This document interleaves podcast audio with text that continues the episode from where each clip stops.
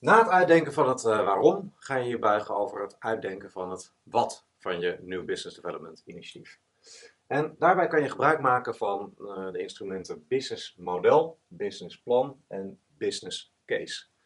Dat zijn allemaal papieren voorbereidingen op het uh, echte initiatief. Die hebben allemaal net een wat ander nut.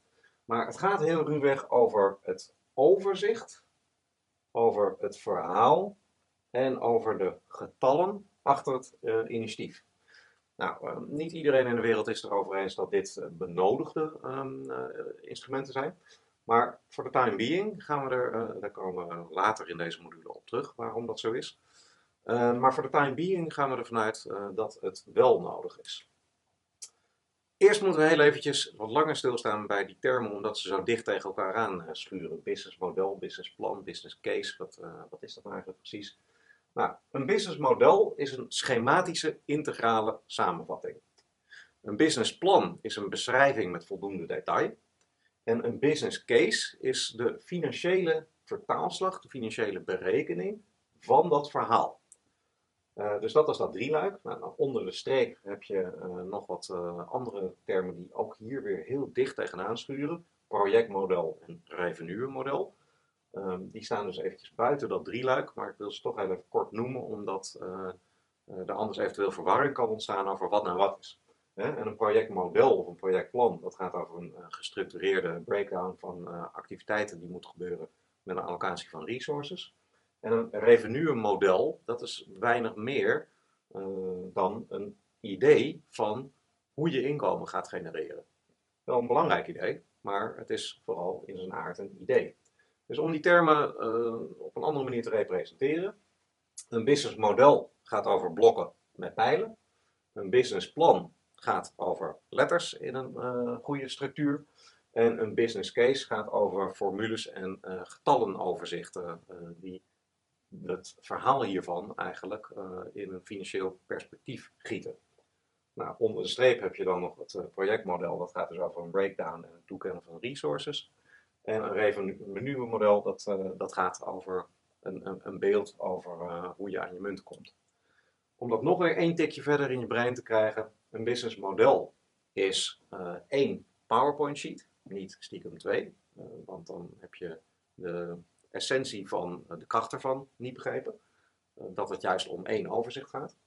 Een businessplan, dat is een Word-document van afhankelijk van de complexiteit van de case, ergens tussen de 10 en 20 pagina's.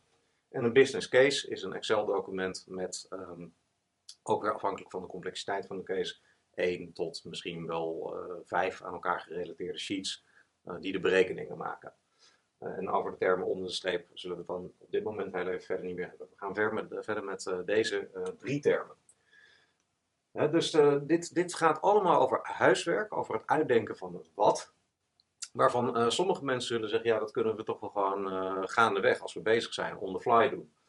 Maar naarmate projecten groter worden en er komen of meer mensen of meer uh, investeringen bij kijken, wat meestal met elkaar correleert, dan wordt papieren voorbereiding steeds meer een must.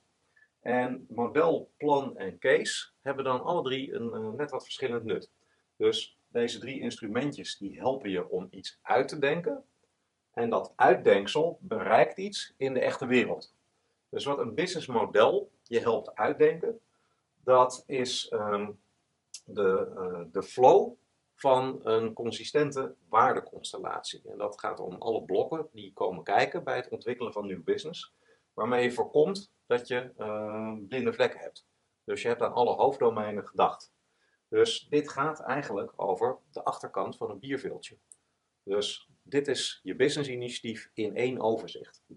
En wat dat bereikt in de echte wereld is collectief begrip van een consistent plan op de achterkant van een bierviltje. Het instrument business plan, wat dat je helpt uitdenken, is uh, gedetailleerde ideeën over alle kerndomeinen die ertoe doen rondom jouw initiatief.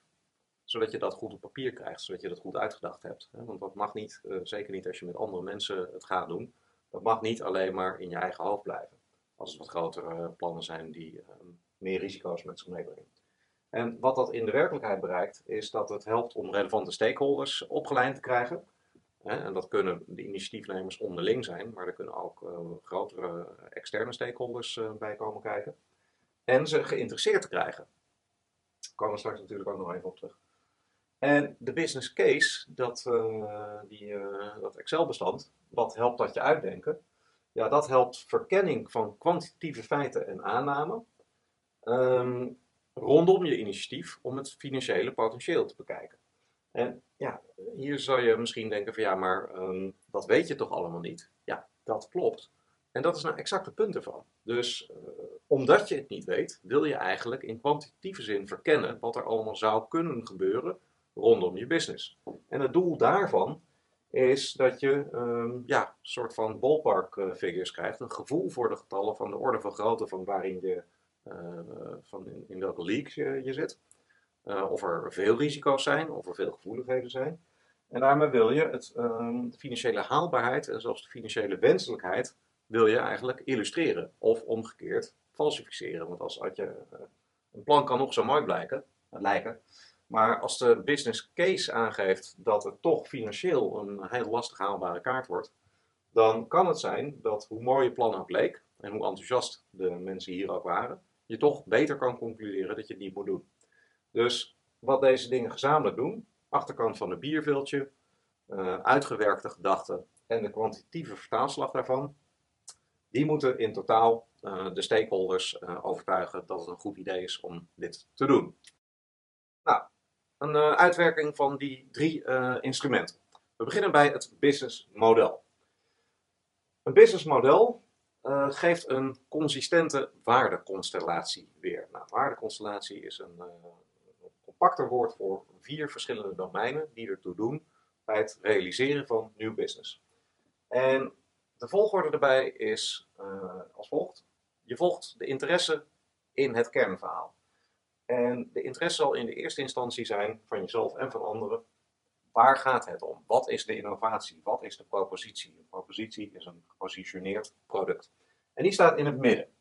Dus waar draait het om? De tweede vraag die mensen zullen stellen als je hebt uitgelegd waar het om gaat, is: oké, voor wie is dat dan eigenlijk bedoeld? Oftewel, wie is de markt hiervoor? Derde vraag zal zijn, hoe ga je dit dan allemaal realiseren? En dat is eigenlijk een vraag naar je hele productieapparaat. Uh, dus dat is je hele organisatie met uh, daar eventueel nog toeleveranciers en partners omheen.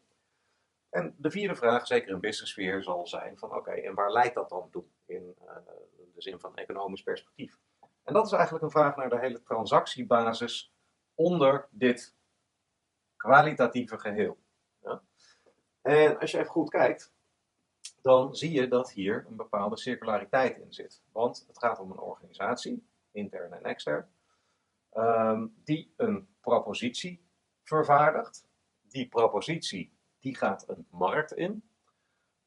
Propositie in markt leidt tot inkomend geld. En daarmee moet het hele productieapparaat plus de vervaardiging van de propositie bekostigd worden. Dus op die manier ontstaat er een flow. En uh, wat je hier heel simpel in kan zien, is dat geen enkele van deze domeinen kan ontbreken. Je moet een scherp beeld hebben bij New Business Development, op, uh, een scherp beeld hebben van alle vier deze gebieden. En uh, als we nu even teruggaan naar het begin van deze module, zie je dan ook dat New Business Development, een ja, template van een businessmodel, ook veel breder is dan alleen maar de vraag naar de innovatie, die hier dan in het midden staat. En als je op een andere manier naar deze vier blokken kijkt, dan uh, zie je dat ze ook relateren aan de vier positioneringsdomeinen die we in het strategiemodule hebben gezien. Dus die verhielden zich als volgt tot elkaar.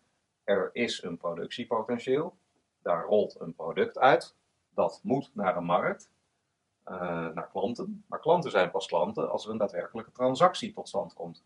En de transacties die tot stand komen, die lopen natuurlijk terug naar waar het allemaal begonnen is, omdat die hele organisatie ook bekostigd moet worden. Dus zonder dat het uh, bij uh, positionering in de strategiemodule al duidelijk was, zit hier ook een bepaalde circulariteit in. Namelijk, een organisatie creëert business die op zijn beurt weer de organisatie regenereert. Dus uh, daar zit die circulariteit eigenlijk ook al in. En zoals we straks zullen zien, kan je ook die vier positioneringsdomeinen weer tot uitdrukking brengen in deze visuele representatie. Om te highlighten waar je voordelen nou eigenlijk precies moeten zitten. Nou, als je dit gaat uitwerken, een businessmodel, dan kun je voorstellen op de invulling daarvan via een aantal extra haarlijnen die er hier zijn ingetekend.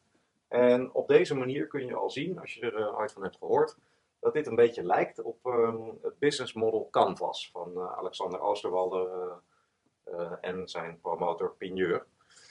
Um, alleen brengen wij hiervan een wat aangepaste versie, omdat we denken dat dat de betere versie is.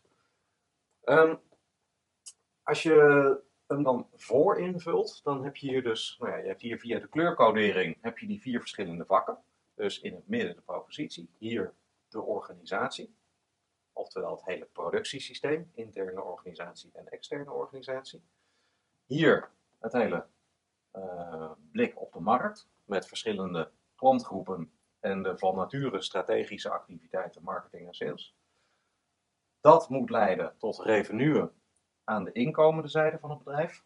En daarmee kunnen alle kosten in de zin van het uh, betalen van het hele productieapparaat en het vervaardigen van de propositie worden bekostigd.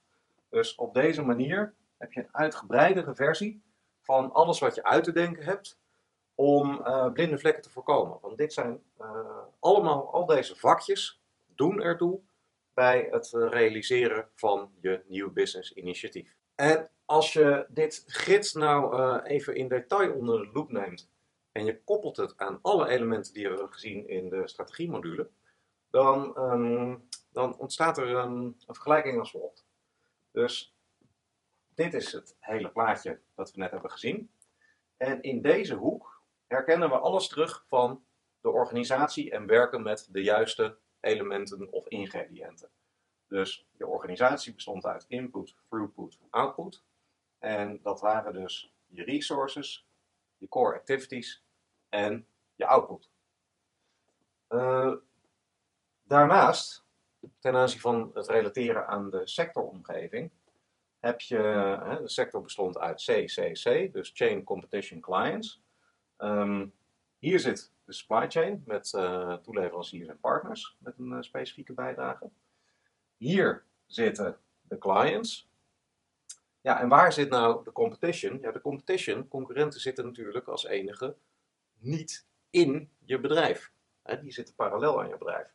Dus de concurrentiekracht van jouw bedrijf zit hem eigenlijk in de uitwerking van dit hele plaatje. Oftewel, je moet het eigenlijk zo zien dat concurrenten ook zo'n canvas hebben, ook zo'n businessmodel. En daar moet hun eigen specifieke aantrekkelijkheid uit blijken. En waar kan die aantrekkelijkheid er nou eigenlijk in zitten? Ja, dat was in die vier positioneringsdomeinen. Dus je kon voordelen hebben in je productiesysteem. Uh, je kon voordelen hebben in uh, je product. Je kon voordelen hebben in je marktbenadering. En je kon voordelen bieden in uh, de deal zelf. Dus op die manier zie je dat al die elementen van organisatie, sectoromgeving en positionering op een hele um, subtiele manier terugkomen in dit basisgrid van het businessmodel.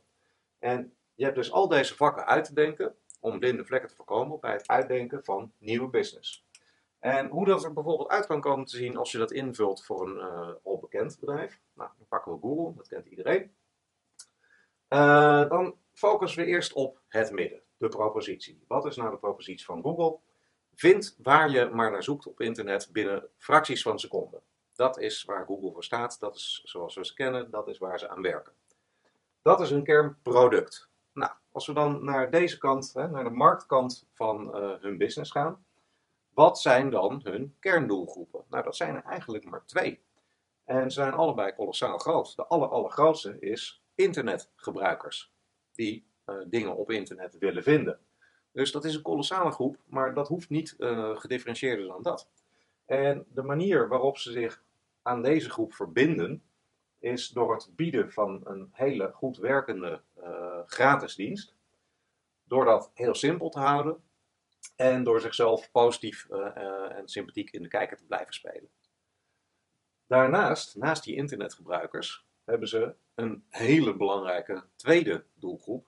En dat gaat over partijen die op internet gevonden willen worden door hun. Dus dat gaat over iedereen die er een belang bij heeft om gevonden te worden door hun. Dus iedereen die maar iets te verkopen heeft of iets te zeggen heeft, gelezen wil worden, gezien wil worden. Nou, hoe verbinden ze zich nou aan deze groep? Nou, dat is door bijvoorbeeld gratis advertentiebudget te geven. Uh, daar hoef je helemaal niet uh, lang naar te zoeken. Je kan er zelfs op googlen, op gratis advertentiebudget. Uh, daar geven ze ten aanzien van de besteding van dat budget, geven ze allerlei tips over effectief adverteren. Ze geven je data over de resultaten van je campagnes. En ze geven je eventueel ondersteuning bij het nou ja, inrichten van campagnes en het verbeteren daarvan dus dat is ook een vrij uitgebreide manier om zich te verbinden in de marketing- en salessfeer met deze groep. Nou, waar leidt dit toe in de sfeer van inkomend geld? Dit leidt tot revenue in de vorm van AdWords en AdSense. Dat zijn de belangrijkste advertentiemodellen voor Google. En dat zijn hun onbetwiste cash cows. Nou, natuurlijk snapt Google dat ze niet tot in de lengte der dagen kunnen blijven leunen op cash cows die uh, once established uh, zijn. Dus zij proberen ook aan nieuw business development te doen. En een van de vormen is bijvoorbeeld Google Business. dat, ehm, nou ja, dat, ze hopen dat door te ontwikkelen, uh, zodat het eventueel een nieuwe star kan worden en later dan misschien een cash cow. Dus Google blijft ook timmeren aan nieuwe producten die geld kunnen opleveren. Als we kijken naar de andere kant van het plaatje, wat moet Google dan intern qua organisatie op orde hebben om dat daadwerkelijk te kunnen realiseren. Nou, hun eigen core activities zijn dan uh, goede research en development um, rond nieuwe producten. Dus dat betekent uh, dat je op een gegeven moment niet meer alleen maar tekst kan doorzoeken, maar dat je ook bijvoorbeeld plaatjes kan zoeken of video's kan zoeken. En dat je daar steeds betere resultaten in krijgt. Dus andere dingen dan tekst zoeken op internet. Wat ze ook heel goed op orde moeten hebben is slimme search, intelligente search. En daar research en development uh, op uitvoeren. En dat betekent bijvoorbeeld dat uh, iemand die het, als iemand het woord bank intoetst in de zoekmachine, dat de meubelstoffeerder dan andere zoekresultaten moet krijgen dan de bankier die ook bank intoetst. Op basis van eerder internet surfgedrag. Dus dat wordt door Google ingebouwd dat de resultaten gewoon anders worden per verschillende gebruiker op basis van dezelfde termen. En ze moeten natuurlijk veel aan marketing en PR doen om zichzelf goed in de kijker te blijven spelen. Want de, markt voor um, internetzoekmachines, dat is toch een ding dat nog steeds in beweging blijft. En uh, Microsoft probeert daar ook heel hard aan te timmeren. Yahoo is zijn positie natuurlijk al een beetje kwijt. Dat was uh, ooit eens een keer de, de marktreus. Nog langer geleden had je Alta Vista en Hotpot. Nou, die zijn al helemaal weg. Maar dat is dus eigenlijk alleen maar een extra alertness voor Google om te zorgen dat dat niet gebeurt. Nou, wat moeten ze daarvoor in huis hebben? In dit geval komt het eigenlijk puur aan op human resources. Dus ze moeten de best mogelijke technologische en commerciële staf in huis hebben. En ze moeten hun brand value blijven uh, laden. Dat aan de term Google uh, de smaak van sympathie en dat zit wel goed blijft hangen. Nou, hoe laten zij zich intern uh, nou aanvullen in de sfeer van de supply chain met toeleveranciers en partners? Dat doen ze bijvoorbeeld met partijen als Keyhole. Heb je waarschijnlijk nog nooit van gehoord. Maar dat heeft ze Google Earth opgebracht, dat je dan wel weer kent. En in de eerste instantie was dat als een soort van partnership, dat hebben ze later overgenomen. Grand Central ken je waarschijnlijk ook niet. Dat heeft ze Google Voice gebracht. Dat is eigenlijk een variant op Skype, die we in Nederland niet kennen maar die in Amerika stevig voet aan de grond heeft. Was eerst partnership, hebben ze overgenomen. YouTube, dat kent natuurlijk iedereen wel. Dat heeft content en publiek gebracht. In de eerste instantie was dat partnership, hebben ze zelfs overgenomen ook. En dan heb je America Online.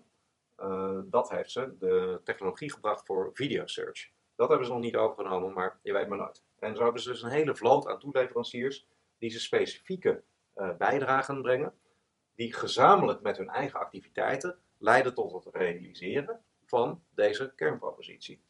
Nou, en met al die revenuen uh, die ze daarmee genereren, kunnen ze dus de torenhoge budgetten stutten voor research and development en marketing en het uh, tevreden en capabel houden van personeel.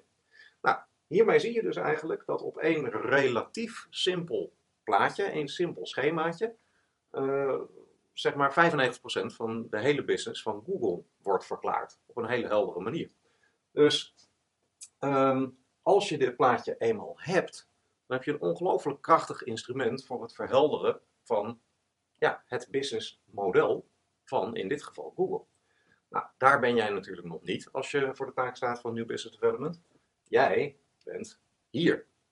Dus uh, jij moet alles nog invullen. Maar het feit dat je dit model hebt, dat betekent dus dat je in ieder geval weet waar je allemaal aan te denken hebt. En dat je niet gaat blind staren op het uh, alleen maar realiseren van die propositie. Want dan vergeet je al het andere dat minstens zo relevant is voor het daadwerkelijk realiseren van die nieuwe business.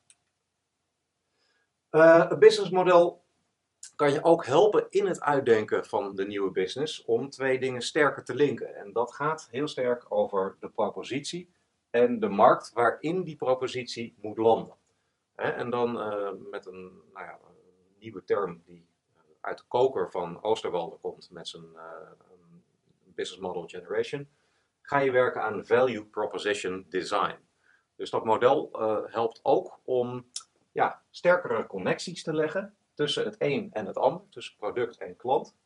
In de zin van wat uh, zijn uh, de pains die jouw product wegneemt, of wat zijn de gains die je brengt? Wat zijn de needs en worries van die markt?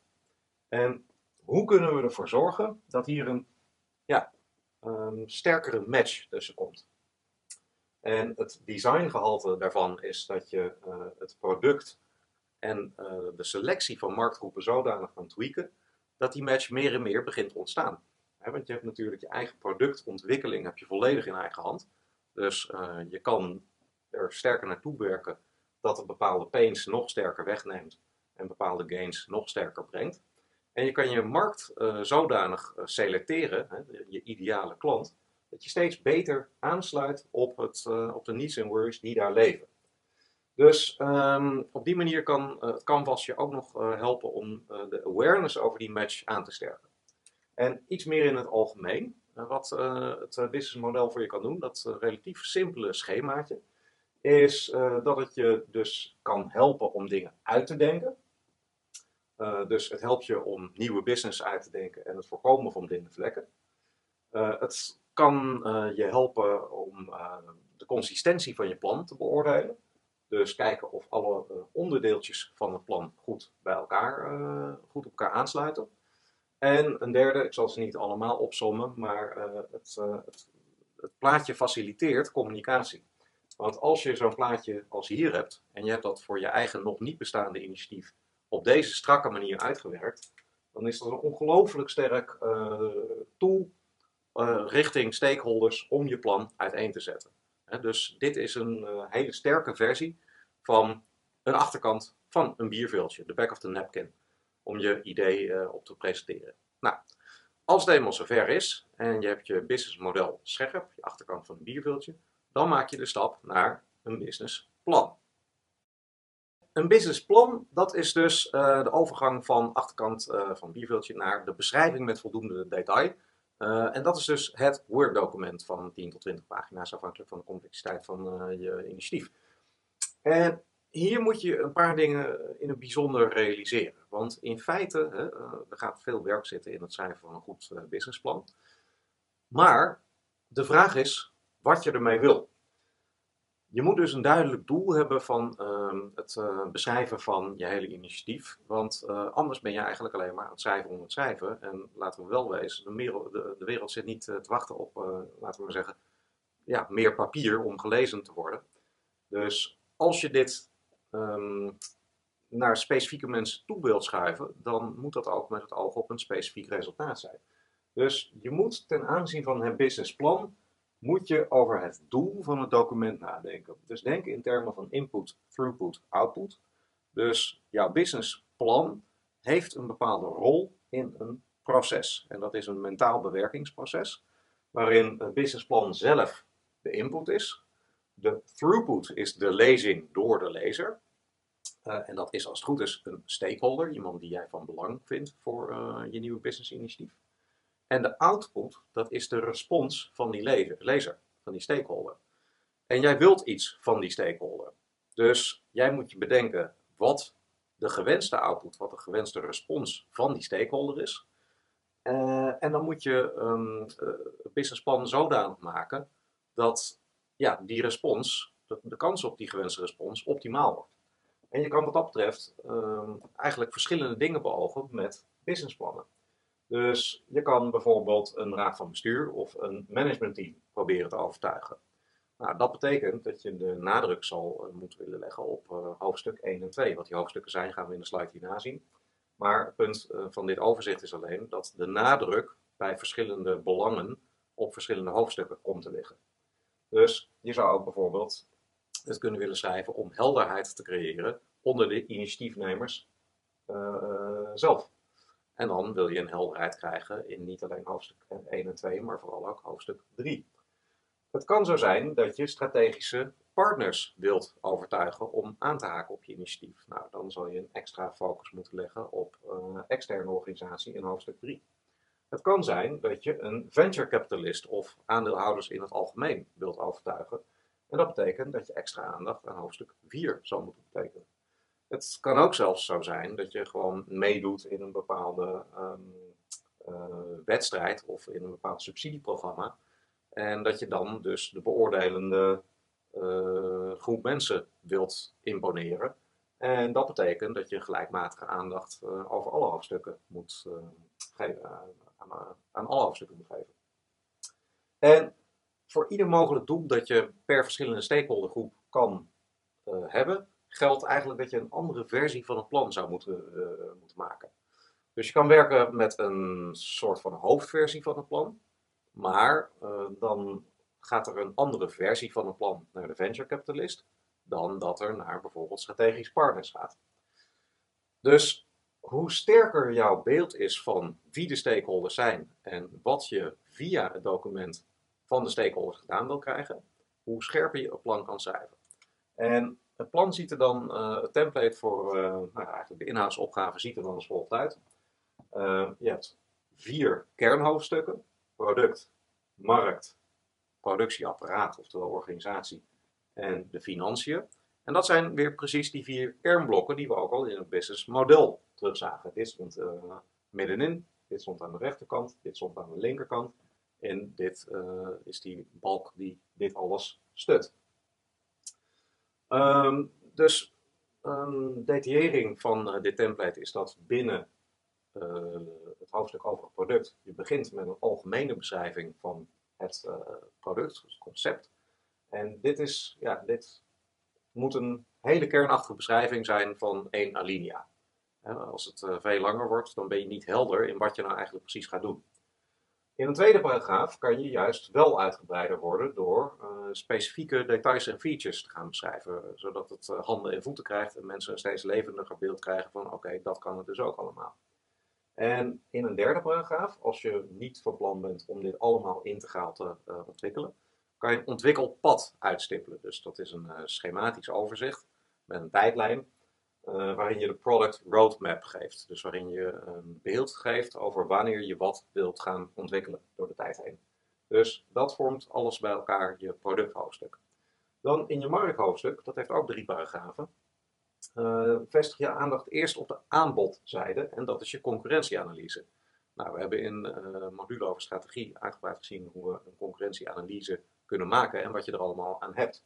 Dus in deze paragraaf uh, geef je dat eigenlijk allemaal weer, inclusief natuurlijk het belangrijkste onderdeel, alle conclusies die je daaruit hebt getrokken. Dan leg je de loop op de vraagzijde. En dat gaat dus over de doelgroepanalyse. Ook dat hebben we in uh, het hoofdstuk uh, in de module over strategie gezien. Hoe je dat allemaal kan aanvliegen. Dus de resultaten daarvan geef je hier weer. En um, je moet een beeld hebben van je lancerings- en je marketing- en salesplan. Ook daar weer uh, heel veel input uh, uit de strategiemodule die je hierin kan gebruiken. Dus dat geeft een redelijk volledig beeld van uh, hoe je denkt om te gaan met de markt. Dan komt er een, een organisatiehoofdstuk over je productieapparaat. We hebben interne organisatie en externe organisatie. En dat gaat over wie moet wat doen, waar in de organisatie. En extern, met wie ga je samenwerken, onder welke condities. En wat gaan zij uh, in het bijzonder toevoegen. Dan hoofdstuk 4, dat is een beetje een uh, bijzonder hoofdstuk. Want dat is een hoofdstuk dat je niet zelfstandig schrijft, maar dit is een samenvatting van de business case. Dat is dat derde instrument in het uitdenken van wat. Uh, dat gaan we hierna behandelen, de business case. Maar hoofdstuk 4 is daar een samenvatting van. En dat bestaat eigenlijk ook uit drie paragrafen. Uh, paragraaf 1 is wat de, ja, de omzetbronnen zijn, je revenue-model. Dus dat is dat beeld van ja, hoe je aan je inkomen komt. Dus ga je nou, per stuk verkopen, per uur, per periode. Daar kan je van alles voor verzinnen. Paragraaf 2, dat is een samenvatting van die Excel. Dus dat is een projectie van de inkomsten, kosten en het resultaat over een bepaalde periode. En omdat het nieuw business betreft, is er vaak een aanloopverlies of een initiële investering nodig.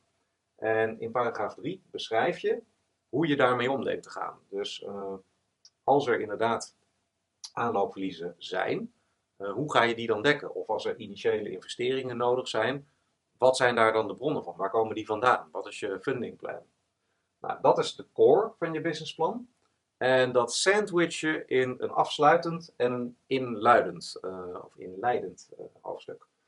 Dus uh, hoofdstuk 5 over realisatie, dat geeft een weerslag van ja, dat je eigenlijk nu al kan zien welke high-level activiteiten er nodig zijn.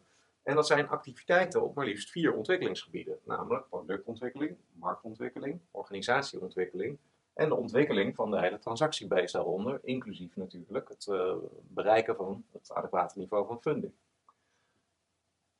Aangezien al die acties by nature risico's met zich meedragen, ligt het ook voor de hand om een high-level risicoplan eraan te koppelen. Dus wat zijn de risico's van die activiteiten op het gebied van productontwikkeling, marktontwikkeling, etc. En hoe denk je op voorhand met die risico's om te kunnen gaan als ze bewaarheid worden? Dan is er nog een inluidend of inleidend uh, hoofdstuk 0. En dat is de introductie. Die uh, kan op 1 A4. Als je dat niet op 1 A4 krijgt, dan uh, heb je ook weer een verkeerd beeld van uh, het belang van compacte representatie. maar op dat 1 A4'tje komen drie belangrijke stukjes informatie, namelijk de strategische motivatie. Dus waarom ben je eigenlijk begonnen? Dus dat haakt weer in op de why van het hele initiatief. Wie spreek je met dit businessplan aan en waarvoor? En dat moet zo concreet mogelijk. Dus als je geld probeert op te halen bij een bepaalde venture capitalist, dan uh, schrijf je in het plan dat dit uh, gericht is op het management van uh, firma XIZ of gericht op meneer De Bruin van die venture capitalist. Met het oog op een investering van 3 ton in ruil voor 15% aandeel. Zo concreet moet dat, omdat dat de enige manier is waarop die meneer De Bruin denkt van oké, nu snap ik exact waar ik reactie op geacht word te geven en wat mijn interesse dus eigenlijk zou moeten wekken. dus zo iemand kan op die manier heel veel preciezer lezen um, en reageren op wat er wordt voorgelegd. En je geeft een samenvatting van het plan in de zin van wat ga je ontwikkelen, voor welke markt, hoe ga je dat ongeveer doen en tot welke resultaten leidt dat uh, na een bepaalde projectieperiode van een x aantal jaar. En uh, ook dit kan allemaal prima binnen één alinea als je alles probeert in één of twee zinnen te beschrijven. Wat voor het doel van zo'n introductie ook prima kan. En dan heb je een, een redelijk sterk businessplan te pakken. Nou, dan ben je nog niet helemaal klaar, want dan heb je het hele verhaal uitgeschreven en je hebt aan alles gedacht wat er toe doet bij het realiseren van het plan. Maar wat je nog wilt hebben, is een uh, gevoel voor de kwantitatieve, oftewel de financiële haalbaarheid van het plan. En daar heb je de business case voor nodig. Een business case, dat, um, nou, dat is in functionele zin is dat dus een verkenning van het financiële potentieel of de haalbaarheid van het initiatief. En dat gaat over een projectie in de tijd van kosten, inkomsten en bijgevolg uh, resultaten. En over hoeveel jaar je dat uh, moet uitsmeren in de toekomst, hoeveel jaar je dat moet verkennen, dat hangt heel erg af van uh, de business waar het over gaat. Dus als je een nieuwe kroeg wil beginnen in een stad, dan zal je het businesspotentieel nou ja, op een termijn van drie jaar willen zien. Maar als je bijvoorbeeld in de nucleaire business zit of in de wereld van de nou, zware olieindustrie, dan gaat dat makkelijk richting de 15 tot 20 jaar. En andere vormen van business zullen daar een beetje tussenin zitten. Dus het is niet ongebruikelijk om met projectieperioden van 5 tot 6 jaar te werken voor initiatieven van pakweg een half miljoen tot 2 miljoen. Nou, de vorm waarin dat dan komt, dat is dus, nou ja, zoals gezegd, een uh, spreadsheet document, meestal Excel, met berekeningen en getallenoverzichten. En een ander ding ten aanzien van vorm is dat je um, het vaak ziet als plaatje, maar het kan ook als tool. En dat plaatje dat zie je vaak in wat grotere firma's terug, waarin het dus gepresenteerd wordt als een statisch grafiekje dat suggereert dat de berekening een soort van waarheid over de toekomst is. Nou, dat, daar trapt eigenlijk geen enkele ervaren manager in. Uh, en het doel daarvan is natuurlijk van degene die dat soort plaatjes maakt om een bepaalde investering doorgedrukt te krijgen van een management. Maar hier heb je niet zo heel veel aan. Dus wat je eigenlijk wilt is dat het gewoon een tool blijft, dus gewoon het Excel-bestand zelf. En dat instrument heeft gebruikersinput nodig. En dat gaat dus over het tweaken van alle aannamen waarmee je wil kunnen spelen. Dus aannames over de prijs, aannames over de groei. En daarvan wil je kunnen zien wat de gevolgen ervan zijn als het uh, allemaal wat anders loopt. En ja, je kan eigenlijk dus weer aan de mate van falen van uh, nieuwe business-initiatieven, kan je weer zien dat dit eigenlijk een redelijk onders onderschat instrument is. Uh, omdat de meeste mensen gewoon vanuit een blind optimisme beginnen zonder heel gedegen door te rekenen wat het eigenlijk allemaal gaat vergen. Dus uh, ik, heb talloze malen gezien dat mensen gewoon denken van ja, dit is een goed idee. En die spenderen er zomaar twee jaar en een ton aan. Om het dan jammerlijk te zien falen. Terwijl je eigenlijk al ver van tevoren had kunnen zien aankomen dat het veel meer zou vergen dan ze zelf hadden gedacht. Nou, zo'n business case heeft bepaalde ingrediënten en bepaalde activiteiten die nodig zijn om het te maken. Laten we nog heel eventjes uh, induiken op het nut van uh, dit ding. Dus je wil een bepaald gevoel krijgen voor de getallen waarmee je te maken hebt. Van de toekomstige economische realiteit die je binnen wilt stappen. En vanuit CFO-perspectief, dus dat is de Chief Financial Officer, de, de hoogste financiële baas, is het nut van een business case het verkennen van het financiële potentieel. En de case helpt je om bepaalde aannamen te verhelderen. Dus je moet alle aannamen, ja, moet je eigenlijk blootleggen. Je moet ze eliciteren, oftewel expliciet op papier krijgen. Je moet ze kwantificeren en verkennen. En dat zijn dus aannames over prijsniveau. Dat je zou kunnen handhaven in de markt. Of over de marktvraag. Of over de groei. Nou, alle aannames die ertoe doen. Zo'n business case helpt je ook om alle kost en, uh, kosten en moeite investeringen uh, vereisten op papier te krijgen. Dat zijn namelijk ook eigenlijk aannames. Dus wat vergt het om dit ja, te ontwikkelen en succesvol in de markt te krijgen? Dus dat moet je operationaliseren. Dus je moet heel concreet benoemen welke kostenposten daar allemaal bij komen kijken. En ook dat moet je weer verkennen. Op die manier kan je allerlei gevoeligheden en afhankelijkheden gaan onderzoeken. Dus uh, wat gaat er eigenlijk gebeuren als de aanname rond een bepaald prijsniveau niet klopt? En het zou eigenlijk in werkelijkheid realistischer zijn als het 20% lager is. Maak je dan op een periode van drie jaar nog steeds interessante winsten? En op die manier kan je op zoek gaan naar de rock bottom case. Dus dat is uh, je, ja, uh, er zijn twee versies van voor rock bottom. Namelijk het bare minimum, dus het echte minimum voor een break-even, om net key te spelen. En de worst worst case. Dus dit is eigenlijk een beetje het tegenovergestelde van wat we hier net zagen. Uh, wanneer dingen als een plaatje worden gepresenteerd. Hè, dat wordt dan ook wel eens de hockeystick curve genoemd. Je krijgt een klein aanloopdipje, maar daarna schieten de winsten de, de hemel in. Nou, dat zijn plaatjes, ja, nogmaals, waar je niet zo heel veel aan hebt. Het is interessanter om juist de andere kant te bekijken. Welk risico lopen we nou reëel? Dus wat moeten we minimaal halen om break-even te uh, draaien? En als we zelfs dat niet halen, wat zijn we dan in het allerergste geval aan totaalrisico kwijt? En uh, laatste ding dat een business case voor je kan doen, is dat het verschillende scenario's kan uh, helpen uitdenken. Dus als je er nog niet over uit bent of je ehm, eerst in, ja, laten we maar zeggen, Frankrijk of eerst in België moet gaan expanderen, dan kan een business case je daar eventueel bij helpen. Om uh, ook weer alle aannames daarover om te zetten in getallen die leiden tot een high-level gevoel voor de getallen. Nou, dat doet het vanuit CFO-perspectief en vanuit CEO, Central Executive Officer, oftewel de baasbaas, helpt het om een klap te geven op het project in de zin van uh, doen of niet. Uh, en het helpt eventueel ook om erop te sturen, omdat hier allerlei aannames in stonden over hoe het project zal verlopen. Nou, wat zijn dan de kerningrediënten van zo'n business case? Zoals gezegd zijn dat inkomsten, kosten en bijgevolg resultaten. En die inkomsten die, uh, kun je modelleren op basis van uh, allerlei aannames die je moet ontwikkelen over bijvoorbeeld de marktomvang, over de vraag, over je pricingmodel, je revenue model. En heel belangrijk, een notie van groei. Want één ding weet je zeker, je begint op een nulpunt. Dus er is nog niets. Dus je aanname over groei en uh, over de vraag, die wordt heel belangrijk.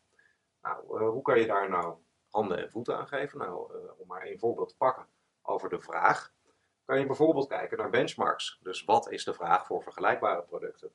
Je kan het ook proberen te analyseren op basis van een, um, van een uitfilteringsbenadering van wie heeft hier allemaal geen behoefte aan. Hè? En op die manier kan je de markt proberen helemaal af te pellen en iedereen buiten scope te plaatsen die geen natuurlijke behoefte aan dit product heeft.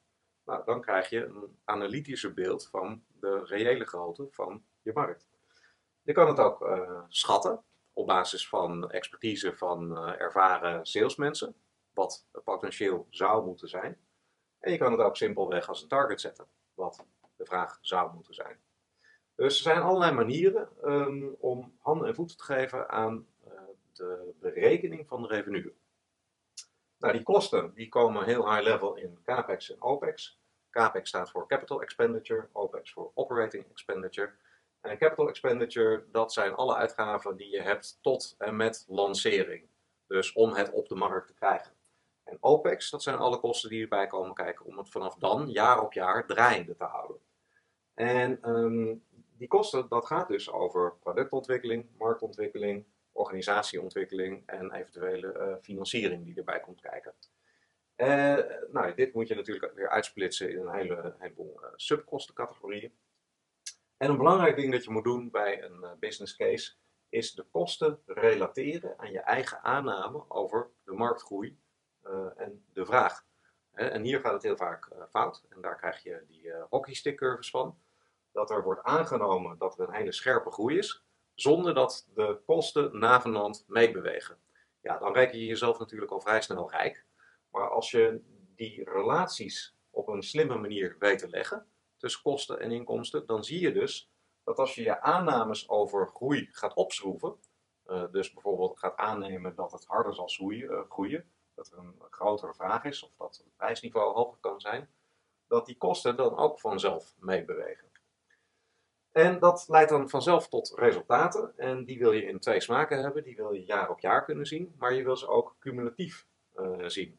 Want uh, je hebt in de eerste instantie aanloopverliezen. En op een gegeven moment ga je dan in een bepaald jaar ga je, uh, zwarte cijfers, cijfers schrijven. Maar dan heb je je aanloopverliezen nog niet gecompenseerd.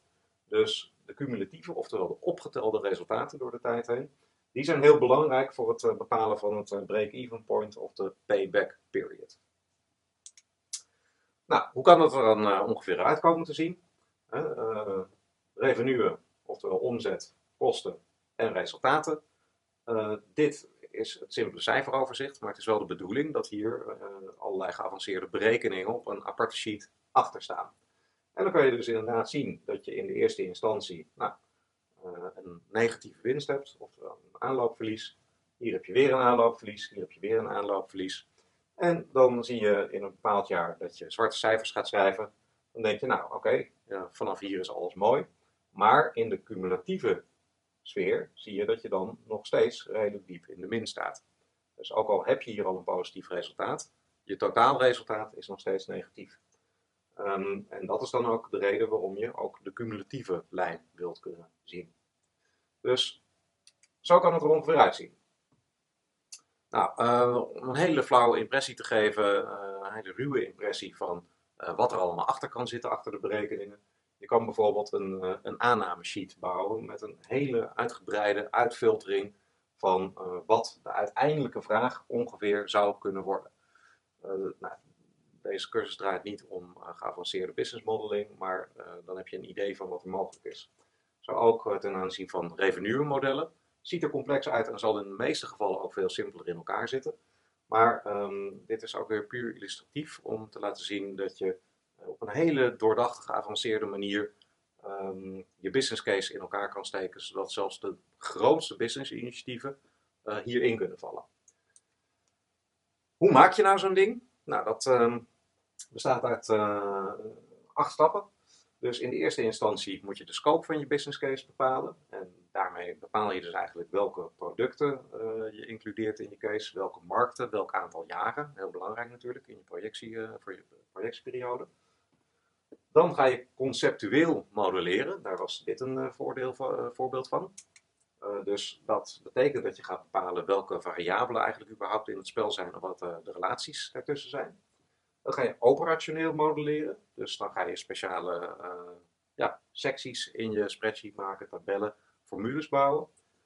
Je moet uh, vaak data produceren. En dat betekent dat je bepaalde data uh, moet vinden of moet creëren waar berekeningen op gebaseerd zijn.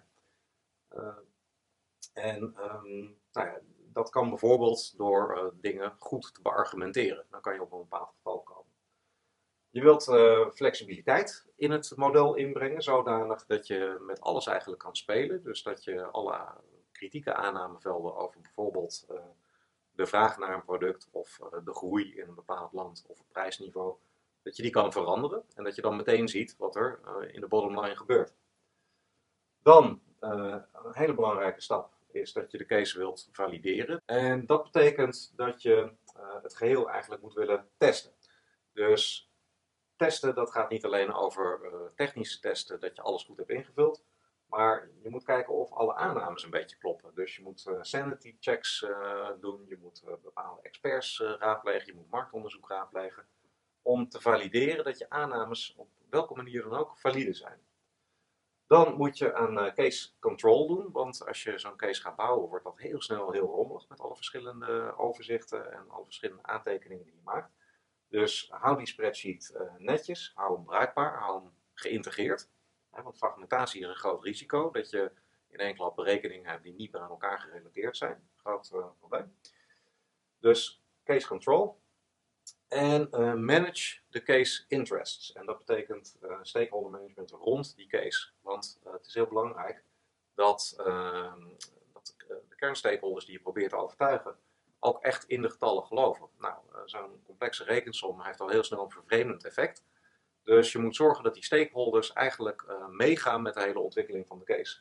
Dus haal hun input, uh, blijf borgen dat ze achter de aanpak staan. en op die manier zullen ze dus steeds makkelijker meegaan in de resultaten van je bevindingen. Namelijk dat het initiatief financieel haalbaar en wenselijk is. En dat is natuurlijk waar je ze wilt hebben. want een business case met stakeholders betekent eigenlijk meestal uh, dat je bepaalde mensen nodig hebt om uh, de investeringen ervoor los te krijgen. Nou, ten aanzien van die kosten, dit is een sheet voor je eigen referentie, die gaan we niet behandelen. maar hier heb je in ieder geval een hele bak aan mogelijke kostencategorieën waar je aan kan denken.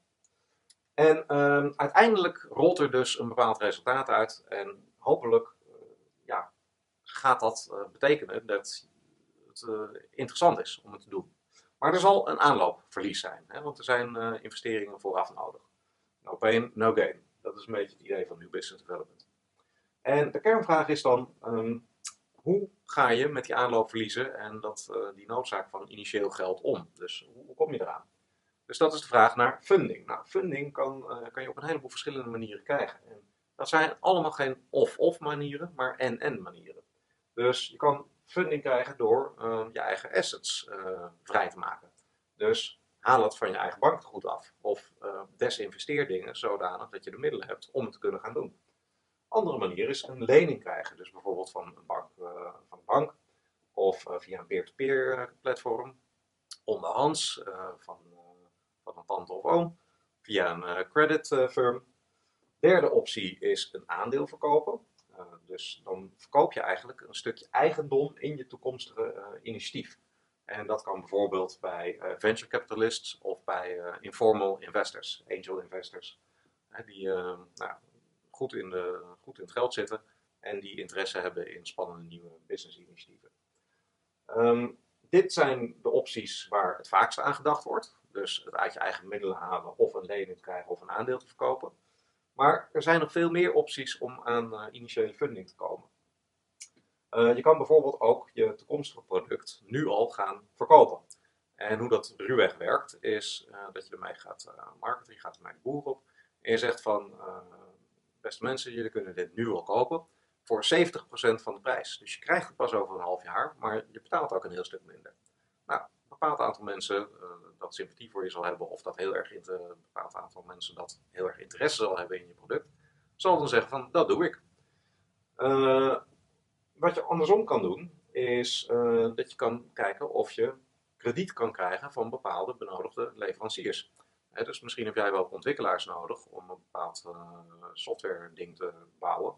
En wat je dan kan zeggen tegen zo'n leverancier is van nou, ik kan je nu nog niet betalen, maar we maken een contractje waarin we zwart op wit zetten dat jij over een half jaar 130% krijgt van je normale tarief. Dus je overbetaalt hem eigenlijk om jou dat krediet te geven. Nou, dat is ook een vorm van um, uh, je aanloopverliezen, ja, of in ieder geval je, je, je aanloopinvesteringen, uh, te kunnen dekken. Want ja, je hebt nu nog geen cash nodig. Je kan ook proberen barterdeals uh, te maken. Dus te zeggen van nou, jij levert mij dit, dan lever ik jou dat. Dus dat is een soort van ruil.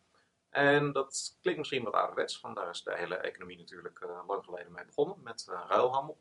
Maar er zijn nog steeds, en met name in de sfeer van kleinere bedrijven, een, uh, een heleboel bedrijven die ja, wel openstaan voor zo'n ruil, omdat ze zelf ook um, ja, liquiditeitsissues kunnen hebben.